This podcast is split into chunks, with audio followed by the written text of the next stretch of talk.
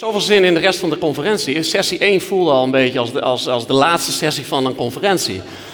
Dus ehm, no pressure. Vanaf hier gaat het downhill.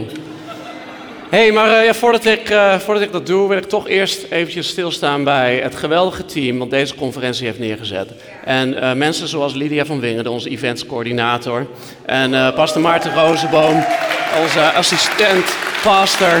Dankjewel. En alle eventsmensen die hebben bijgedragen aan deze conferentie. Dankjewel. Geweldig.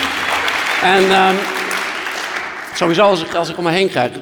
Dit, we zijn hier met de zonen en dochters van dit huis. En ben zo blij jou hier te zien. En uh, zo mooi om samen God te dienen. En ik geloof dat God een woord heeft voor ons als huis. En net als uh, profeet Vicky Simpson zojuist sprak. Ik, ik wil wat dingen uit gaan pakken die God mm, ja, in de afgelopen weken, maar in feite met sommige van die dingen ben ik al meer dan een jaar bezig, uh, heeft laten zien. En, en, het is ook goed om deze woorden uh, te toetsen, wat Vicky Simpson ook zei, om te toetsen hè, wat er gezegd wordt en om ter aarde te laten vallen wat niet van God is. Maar ik geloof dat er ook dingen vrucht zullen dragen, de dingen die God spreekt tot ons vanochtend en vanmiddag en vanavond. Waar leven we? Vanmiddag. Dank u, dank u Jezus voor het woord van God. Dank u Jezus dat, dat we u volgen. U bent de bouwer van uw huis. Dank u wel dat we allemaal deel zijn van dit huis. Van dit lichaam van Christus in Nederland. Dank God voor alle kerken die hier vertegenwoordigd zijn, alle ministries die hier vertegenwoordigd zijn. Dank u wel, God, voor onze vrienden in de bediening, onze broers en zussen. We zegenen hun. En we danken God, voor het woord wat u spreekt tot ons hart hier vandaag in Jezus' naam. Amen. Amen. Hey, uh, dus ik wil nu uh, met jou delen in de komende uh, drie sessies. wat zijn nou wat tegenwoordige waarheden, hè, waar, waar profeet Vic Simpson over sprak, die ik zie? Wat, wat heb ik nou van God ontvangen? Nou, ehm, een tegenwoordige waarheid is per definitie een waarheid voor nu.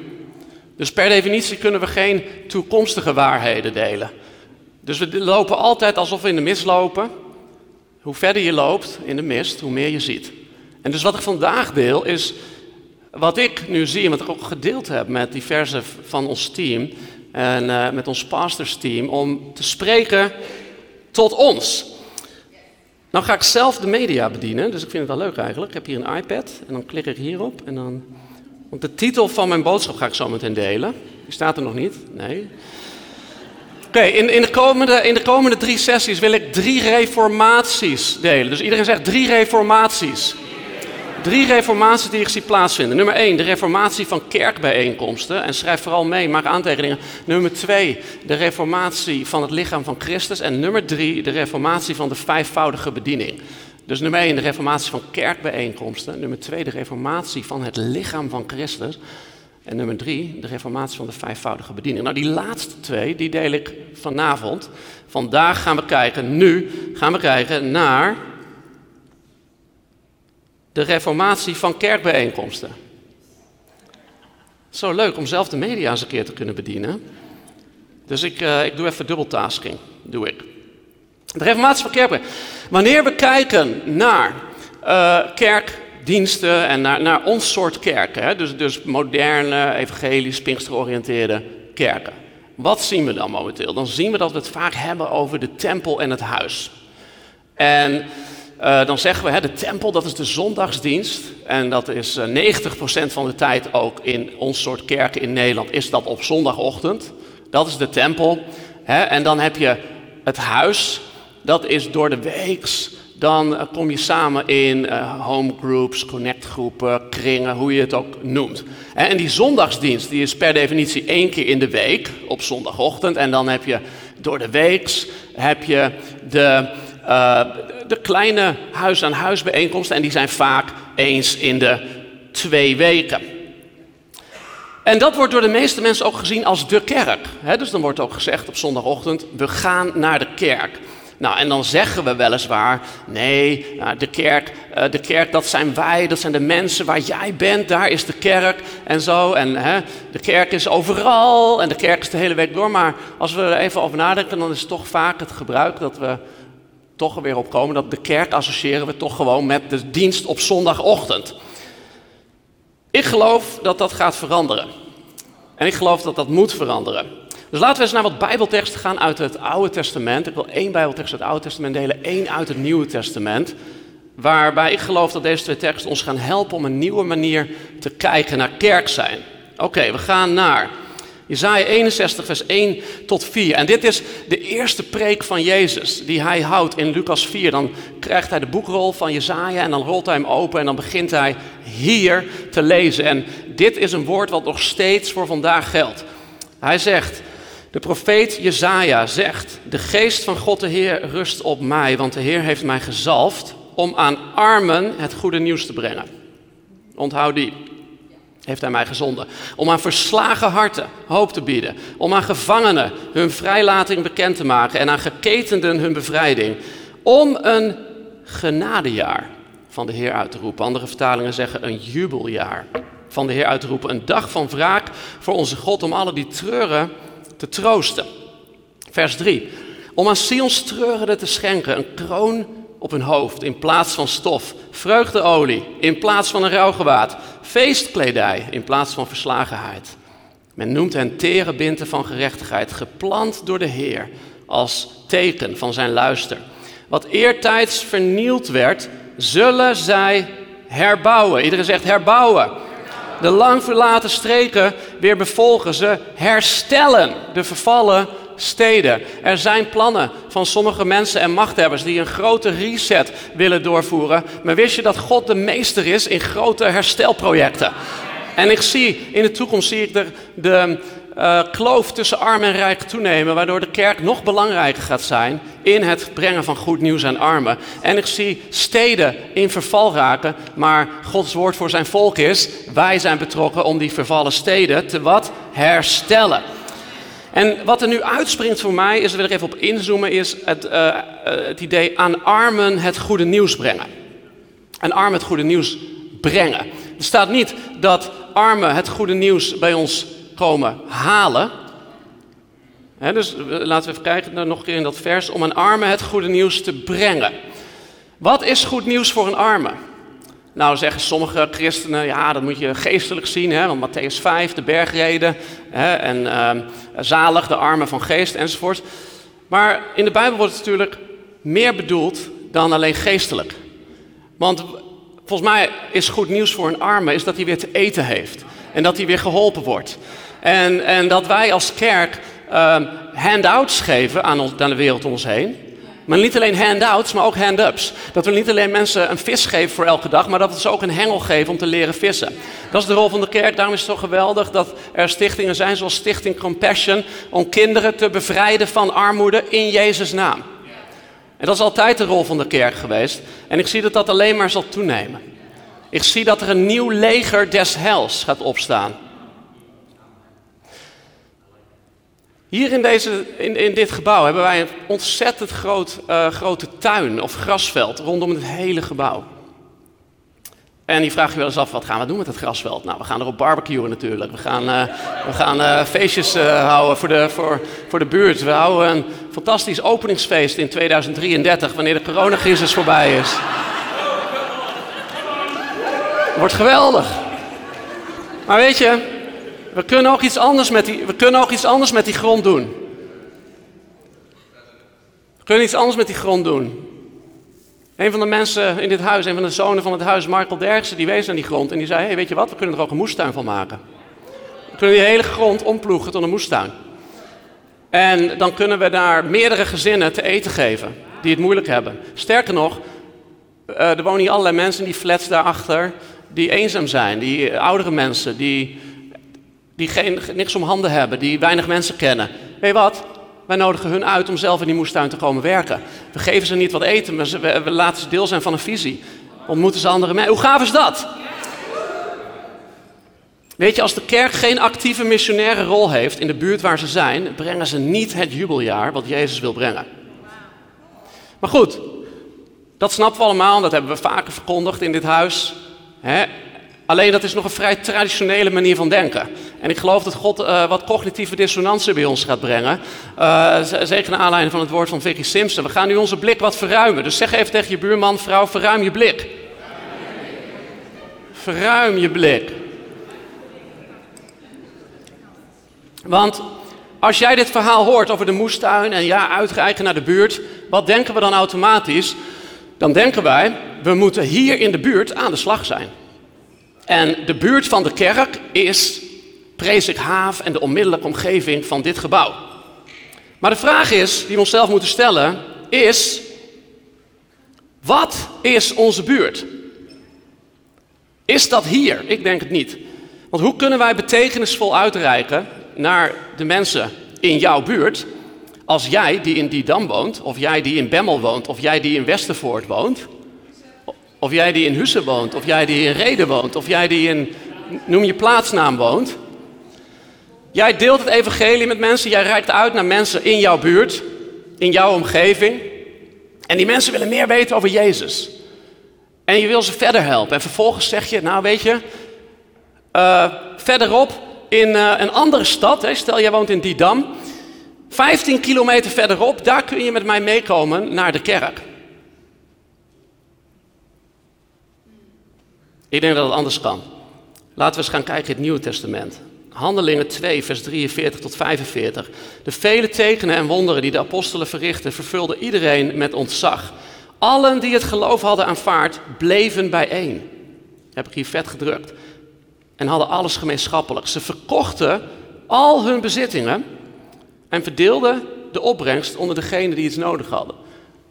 Hier staat niet, ze stapten in de auto, reden 10 kilometer verderop naar een gebouw in een wijk waar ze niet woonden en gingen daar de buurt rondom die plek helpen. Nee, ze bleven bijeen waar ze waren en hielpen de mensen die daar in de buurt waren. Handelingen 4, vers 32 zegt het volgende. De groep mensen die het geloof had aanvaard, leefde eendrachtig samen. Geen van hen beschouwde zijn bezittingen als zijn persoonlijk eigendom, want ze hadden alles gemeenschappelijk. Nou is dit iets anders dan communisme. Begrijp me goed, want, want dat is wat communisten denken. Hè, van, um, we moeten allemaal uh, samen hebben. You, uh, you, will be happy, but you'll own nothing. Enzovoort. Maar er zijn dan een paar rijke jongens die alles hebben. Nee, maar hier hebben ze allemaal zelf heel veel. Ze hebben allemaal zelf, maar ze helpen elkaar en dat maakt hun geen bal uit. Oh, vandaag kan jij de auto gebruiken, vandaag kan jij dit huis gebruiken. We delen gewoon alles met elkaar. En wat zien we? De kerk bleef bijeen en ze leefden eendrachtig samen. Dat is dus iets anders dan. En de kerk ging één keer per week naar een gebouw in een wijk in Arnhem voor de kerkdienst. Of en eens in de twee weken ging ik naar mijn homegroup. Weet je, in het samenleven kun je pas echt groeien als christen. Kun je pas echt mensen discipelen. In continu bij elkaar zijn kan je groeien en kan de kerk groeien. Dus nogmaals de vraag, wat is dan onze buurt? En wat is onze kerk? Wat zie ik? Ik zie, de kerk is in de buurt van de mensen. Ik zie kerken ontstaan in elke buurt. Ik zie kerken ontstaan in een school. Ik zie kerken ontstaan in een bedrijf. Ik zie kerken ontstaan in grote woontorens. Met andere woorden, ik zie bijvoorbeeld dat in Rijkerswoerd, de wijk waar je dit jaar en ik wonen, zie ik de christenen van C3 die in Rijkerswoerd wonen. Wie woont hier in Rijkerswoerd? Nou, een aantal mensen, gezellig. Um, zie ik samenkomen en samen het leven leven om daar kerk te zijn. En dat is hun kerk. En zij kijken gewoon, wat zijn hier de noden in de wijk? En die noden gaan ze beantwoorden. Dus het eerste wat ik vandaag wil delen, ik wil twee dingen delen in deze sessie. Het waar van de kerk gaat veranderen. En nu denken we allemaal nog, dit, dat, dit, dit is theorie en dit zeggen we altijd natuurlijk. De stad is onze kerk. Maar ik bedoel het hier praktisch. Bijvoorbeeld jouw school. stel je gaat naar school en je gaat elke dag ga jij naar het voortgezet onderwijs. Man, daar word jij door de wereld beïnvloed. De wereldcultuur beïnvloedt jouw cultuur. Maar wat als? Jij gewoon een kerk begint in de school samen met andere christenen. En in die school ben jij de hele week kerk. En dat is jouw kerk en de vijfvoudige bediening functioneert in die groep. Daar heb je iemand die langskomt die een apostel is en iemand die langskomt die een profeet is. Je hebt iemand in de groep die evangelist is en die uitreikt naar anderen. En die anderen traint hoe zij kunnen evangeliseren. Je hebt een leraar die het voordeel. Je hebt een herder en samen zorg je voor elkaar en blijf je sterk op school. Niet alleen op zondag, maar elke dag kerk in jouw school. Wat dacht je van kerk in jouw wooncomplex, in jouw woontoren? Jij woont in een grote woontoren en we zullen zien in de toekomst dat er steeds meer mensen in kleinere behuizing zullen wonen. Die wonen bij elkaar in een groot flatgebouw, in een grote woontoren. En met alle christenen in de woontoren, of in ieder geval met alle christenen van soortgelijke gezinten, vorm jij een kerk elke dag, elke ochtend. Ga je 20 minuten ga je met elkaar bidden op de begane grond van die woontoren. Heb je een zaaltje, ga je bidden. Je gaat kijken, wat kunnen we hier doen? hey, buurvrouw I heeft wat hulp nodig. Buurman M heeft wat aandacht nodig. Je gaat bidden, je gaat evangeliseren in de woontoren. Dat is jouw kerk. Ik zie kerk in jouw school en kerk in jouw buurt. Het waar van de kerk gaat veranderen. Maar ik zie nog meer. Dus zeg tegen je buurman, vrouw, ik zie nog meer. We zien nog meer. Want laten we eens verder lezen in diezelfde teksten uit Handelingen. En laten we gaan naar Handelingen 2, vers 46. Daar lezen we dit. Ik heb het weer vet gedrukt. Ik heb ook hier een heel leuk dingetje, dat is nieuw. Kijk, kijk, ik heb hier.